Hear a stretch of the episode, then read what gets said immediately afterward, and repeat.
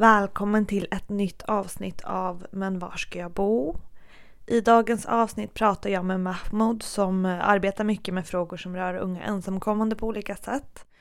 Vi fokuserar framförallt på, framför på bostadsfrågan men eh, hela skälet bakom varför jag ville göra den här podden och lyfta den här frågan eh, är ju orättvisorna man kan se idag i vårt samhälle och framförallt i den här sektorn då, bostadssektorn. Eh, och hur vi indirekt har accepterat de här eh, orättvisorna genom att inte efterfråga eller diskutera en större strukturförändring. Just den här gruppen i det svenska samhället, alltså unga ensamkommande, är en grupp som drabbas väldigt hårt av ojämlikheten vi har idag. Och i klarspråk inhumaniteten i hur vi som samhälle behandlar människor på flykt. I det här fallet ensamma barn på flykt som tvingas mer eller mindre helt ensamma lösa inkomststudier och boende och att lära sig ett språk från grunden samtidigt. Det finns många eldsjälar där ute som försöker hjälpa till som individer eller genom organisationer på olika sätt eh, och, och så. Eh, och det är såklart bra, det ska vi som människor ha som försöker. Men äm, återigen så saknas det en strukturell förändring och förbättring även här. Um, jag ska inte prata för länge utan snart låta dig lyssna på Mahmoud när han berättar. Men um, vi börjar närma oss slutet av podden och uh, jag har hittat två saker som har varit lite genomgående hittills och som jag ville lyfta bara innan vi sätter igång. En sak är bortprioriteringen av hyresrätter. Både bortprioriteringen genom att det ekonomiskt kostar mer i beståndet genom att hyresrätten gång på gång omvandlas till eh, bostadsrätter och eh, säljs ut från allmännyttan. Och också i något typ av existentiellt avseende att flera unga eh, medverkande pratar om att de inte ens visste att man behövde ställa sig i bostadsköer för att få större chans till bostad och att man går miste om år genom det. När jag pratar med Mahmoud om nyanlända personer så har man ju omöjligt kötid sedan innan men information om att ställa sig i kö verkar också saknas i kommunikationen som går ut. Och folk fokuserar så mycket mer på bostadsrätten. Vi pratar knappt om hyrt boende längre, bara ägt. Det är ett väldigt starkt och tungt fokus på målet att äga sin, sin bostadsrätt eller sitt hus då. Som vi också ser i, i Hyresgästföreningens undersökning på unga vuxna och hur de ser på boende och vad de har för boendesituationer. Som vi också har lagt upp på sociala medier och så vidare. Lite länkar och sammanfattningar och så. Eh, en annan sak som både Anneli i första avsnittet eh, och Emma i ett framtida avsnitt som inte har kommit än pratar om är marknadshyran som är på tapeten nu. Och som jag bara ville nämna, eller fri hyressättning som, som det också kallas, som ska införas i nybyggnationer enligt eh, januariavtalet snart. Hyresgästföreningen har tagit fram rapporter på effekterna av införd marknadshyra och vad det skulle innebära. Bland annat kommer de fram till att det skulle vara upp till 50% högre hyra än i dagsläget och att man som hyresgäst skulle behöva lägga upp till 14% mer av sin inkomst på hyran. Eh, även om vissa försvarare av marknadshyran eller av det här förslaget eller det som är på gång nu tycker att det här ehm, inte så farligt eftersom det bara ska införas i nybyggnationer och inte i hela beståndet så innebär det såklart i det långa loppet att den kollektiva förhandlingen vi har nu sakta men säkert fasas ut. Det här diskuteras just nu och det organiseras ganska starkt mot införandet av marknadshyra. Så oavsett vad du som lyssnare tycker och känner så kan eh, det vara bra att Eh, läsa på lite innan det träder i kraft så att du kan göra din röst hörd för vad du än tycker. Som sagt så påverkar ju boende eh, oss personer hela livet. Vi måste alltid ha någonstans att bo. Och den här typen av förändring skulle innebära en stor förändring för Sverige. För framtiden helt enkelt. Precis som Mahmoud lyfter idag så drabbar inte hyresfrågan bara vissa grupper i samhället utan alla människor i samhället. Mitt namn är Mahmoud och eh, jag är vice ordförande i Unge Sverige som är en ideell organisation och vi har eh, funnits sedan 2017. Vi har eh, arbetat kring hur kan vi lösa deras problem när det kommer till asylfrågor och samtidigt det här med bostäder och vissa som hade blivit hemlösa och bostadslösa så vi försökte liksom på något sätt att kunna hitta någonstans för dem att kunna bo. Mm. Det är det som vi håller på och äh, vi arbetar för. Hur, på vilka sätt arbetar du med, med det? När det kommer till äh, asylfrågorna så vi hade vissa advokater plus att vi själva hade en del information kring de basic punkterna men eh, till bostad och eh, boende så hade vi kontakter med vissa organisationer som hade lite tillgång till eh, bostäder som kunde flera bo i samma plats och eh, de svenskarna som eh, öppnade sitt hem och eh, försökte liksom så gott de kunde att hjälpa en eller fler ensamkommande som hade varit helt bostadslös. Har det här, jag tänker framförallt det här med eh, personer som har öppnat upp sina hem och så, har det påverkats mycket av corona till exempel? Självklart, för att eh, då var det helt enkelt många äldre personer eller gamlingar som hade faktiskt öppnat sitt hem eh, för att kunna hjälpa. Men tyvärr, corona har på sätt och vis tvingat dem att inte liksom, de vågar inte helt enkelt att kunna Eh, ta hem någon och eh, att de ska bo eh, med dem för att risken är väldigt stor liksom, att de blir smittade eller någonting som kommer hända. Så nu är det väldigt svårt liksom, eh, att kunna be någon att, att de släpper en eller hjälpa till. Liksom. Mm. Hur har du sett, som, som möter många unga och så, hur har du sett att det påverkar dem i praktiken? Är det många som som hittar något annat eller är det många som kanske blir hemlösa? Hur, hur ser du det? Problemet är att det finns väldigt stort behov av eh, boende. Inte bara genom eh, ensamkommande, eh, även från de unga svenskar som har eh, eh, som har försökt i flera år att kunna få någonstans att kunna bo men tyvärr så det finns brist i Stockholm. Och eh, hyras eh, hyran är ganska höga och eh, när det kommer till att kunna köpa bostad eller bostadsrätt så det är, det är inte unga som har råd med, med det. Det är inte liksom alla som har eh, det kapitalet för att kunna liksom köpa en lägenhet. Och eh, när vi bemöter de ensamkommande som vänder sig till oss och frågar om det finns någonstans eller någon som kan hjälpa till, även om de betalar en, en viss belopp. Men eh, Förut så kunde vi eh, göra och, någonting åt den här saken men just nu så känner vi helt maktlösa för att både på grund av Corona och både när vi frågar folk om det, det går liksom att eh, ta in någon eller hyra ut ett rum. Så det går inte och nu för tiden så upptäcker vi att många personer fast det är Corona bor i samma lägenhet och eh, med väldigt dåligt eh, plats kan man säga. Så det är, tänk på att eh, har eh, träffat en grupp som är bara nio personer i en tvåan. Så hur kan man få plats på den? Och samtidigt det, det är Corona. Och egentligen som de, de, de skulle inte göra så och inte bo på samma plats som är väldigt tajt men tyvärr de är tvungna att göra det.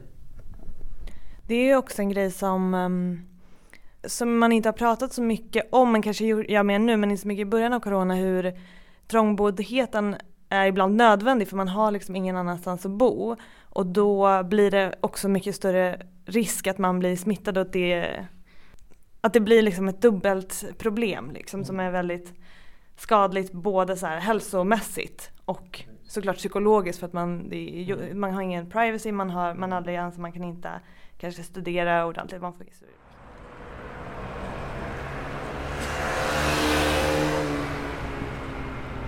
det man tänker då eh, att man skulle kunna göra är någon form av statlig eller kommunal hjälp för att försöka att garantera boende för människor. Och då har jag förstått det som att det är ett problem att eh, unga ensamkommande omfattas av gymnasielagen men det innebär att man inte omfattas av bosättningslagen så då garanteras man inte boende av kom kommunen. Liksom. Kan du berätta lite mer om det? Eh, de ensamkommande som eh, sökte asyl i Sverige, de ligger i olika kategorier just nu. Vissa som har ett vanligt uppehållstillstånd kan man säga permanent eller de omfattas som gamla lagen. Så kommuner hjälper på något sätt. De ska ordna ett boende för dem vart den finns i, i Stockholm men eh, den här gr stora gruppen som är, eh, eh omfattas som gymnasielagen kommuner har ingen ansvar för dem att kunna hitta någonstans. Så när de vänder sig till kommunen att vi behöver ett plats så säger de att det, det är ni själva som ska hitta och det är ni själva som ska be, eh, betala för det. Plus att det är äh, eh, den där eh, eh, risknormen som de hade fått tidigare eller det är visst belopp som eh, kommunen skulle betala för dem. De, de kommer inte betala för den här gruppen. Så det har påverkat på olika sätt och det har gjort väldigt svårt för unga ensamkommande som omfattas som gymnasielagen.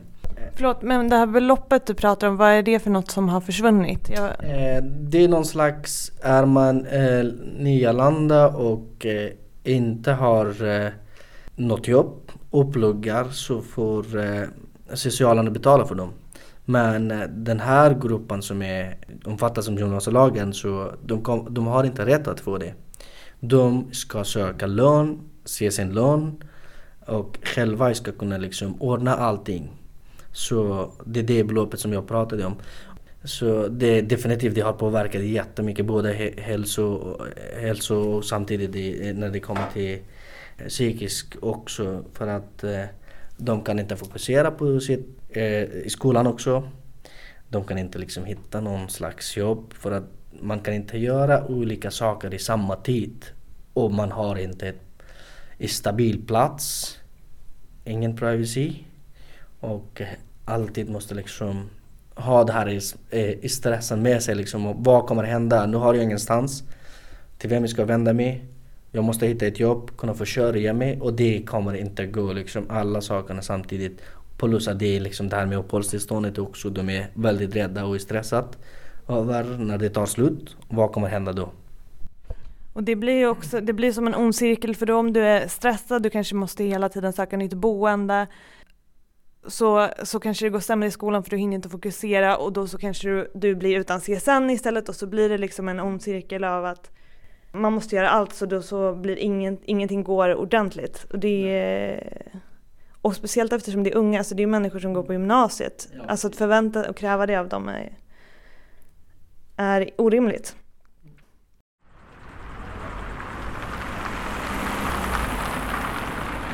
Vi pratade lite sist vi träffades också om, om brist på information som, som finns tillgänglig om hur man kan navigera bostadsmarknaden lite. Det här med eh, bristinformation hos, eh, speciellt hos unga ensamkommande för att de eh, i den här korta tiden som de har varit i Sverige så har man tur så har man någons eh, svenska kontakter och då vet man inte om man själva ska fråga vad gäller det när det kommer till bostad och sånt. Men svenskarna brukar liksom säga att nej, du, du kan antingen bli medlem i någon slags bostadsförmedlingen eller så de har vänner och kompisar som kan hjälpa till med att hyra ut eh, sitt rum. Eh, har man inte det så är det väldigt svårt för att man vet inte vilka bostadsförmedlingen finns i Stockholm. Och eh, hur kan man bli registrerad? Hur, hur, hur mycket ska man betala och hur lång tid det kommer att ta liksom, att kunna få? Och eh, samtidigt så det är liksom har ingen berättat till dem så de vet inte liksom när kommer de an intresseanmäla att så här ska man göra varje dag eller varje vecka eller varje år. Så det är väldigt, väldigt mycket brist på information när det kommer till bostadsförmedlingen. Plus att det är ingen organisation eller eh, företag som meddelar direkt till den här målgruppen att så här ska ni göra. Och när ni kommer till Sverige och när ni får uppehållstillstånd så här måste ni göra när ni kommer till bostadsförmedlingen för att kunna få någon bostad. Så det, eh, det gör väldigt svårt för dem att själva ska på egen hand ha koll på alla de sakerna som en eh, eh, svensk ung som sedan dag ett har fattat eller har eh, hört från sina föräldrar att så här fungerar. Så här mycket möjligheter finns. Så här kan vi skaffa ett bostad men inte de andra som är bara funnits eller har varit här i fem eller sex år. Mm. Det krävs ju också ganska mycket för att få ett hyreskontrakt även om man har en plats i kön liksom. Så man måste ha inkomst och så vidare. Eh, och det skapar ju en utsatthet också på arbetsmarknaden. Vill du berätta lite om hur du har sett och upplevt det? När man försöker att söka ett bostad eller så eh, hittar man någon som vill eh, hyra ut sin bostad så kräver de att se dina inkomster. Har du någon slags jobb att kunna betala hyran? Hur du sköter dig just nu. Så alla de sakerna påverkar en person att kunna få en bostad. Så eh, jag berättar helt enkelt min erfarenhet när det kommer till eh, när jag försökte hyra en lägenhet. Så den personen som skulle hyra till mig, vi hade möte två gånger på en månad. Första gången så kollade han vad jag pluggar, vad jag jobbar och nästa gång när vi träffades så sa han att jag behöver veta din anställningsavtal, vart du jobbar, varifrån dina inkomster kommer och eh, eh, helt enkelt om du kan betala. Så eh, som tur som jag hade, så jag hade ett ordentligt jobb så det fungerade väl. Men vissa andra, när det är brist på jobb just nu, plus att det är Corona och eh, vissa kommer gå med vissa avtal som är inte mänskligt och inte rimligt och vilket man ska inte gå med. Men tyvärr om man är tvungen så man, man, man måste göra det. Eh, eh, till exempel vissa som arbetsgivare när de behöver ett kontrakt för att kunna söka bostad eller för att kunna hyra någonstans eller för att kunna liksom visa till Migrationsverket att jag, att jag uppfyller alla krav och att jag kan försörja mig. Så arbetsgivaren har eh, Vissa arbetsgivare utnyttjar väldigt mycket de ensamkommande för att de kommer i, det, det som jag har sett och jag har hört att eh, en person som skulle jobba åtta timmar och de har skrivit ett, ett kontrakt som bara gäller för åtta timmar varje dag eh, och få pengar eller lån för det passet som han gör men han ska jobba istället för 8 timmar, 12 timmar, 14 timmar. För att det är arbetsgivaren som har sagt att ifall du vill jobba, jag ger dig ett kontrakt med 8 timmar men du ska jobba 4 timmar mer eh, och du inte får något betalt för det. Men de, de, eh, de är tvungna att välja och säga absolut. Då är ju också arbetsgivaren i extremt stor makt i relation till dem för de kan ge dem det här kontraktet. Precis men eh, kräver en massa mer då som är olagligt. Liksom. Men att det är, som, det är som man säger mycket med bostadsmarknaden också att så här, ja, till exempel om man betalar väldigt mycket för en andrahands eh, bostad och man vet att det är olagligt för man, kan inte, man får inte ta hur mycket som helst.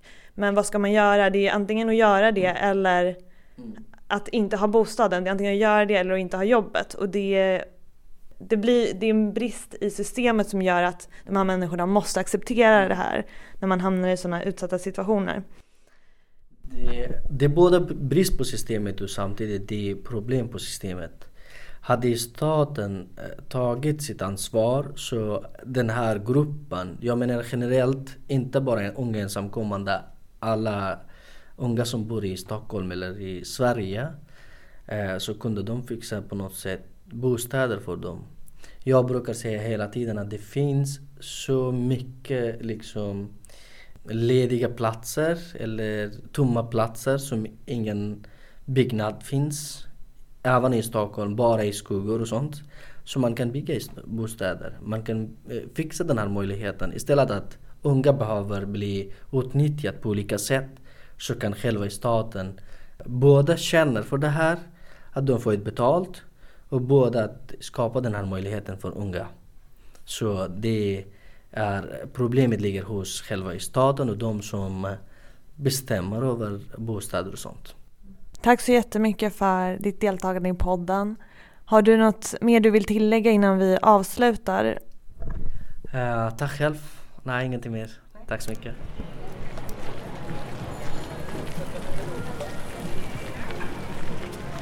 Du har lyssnat på Peaceworks podd Men var ska jag bo?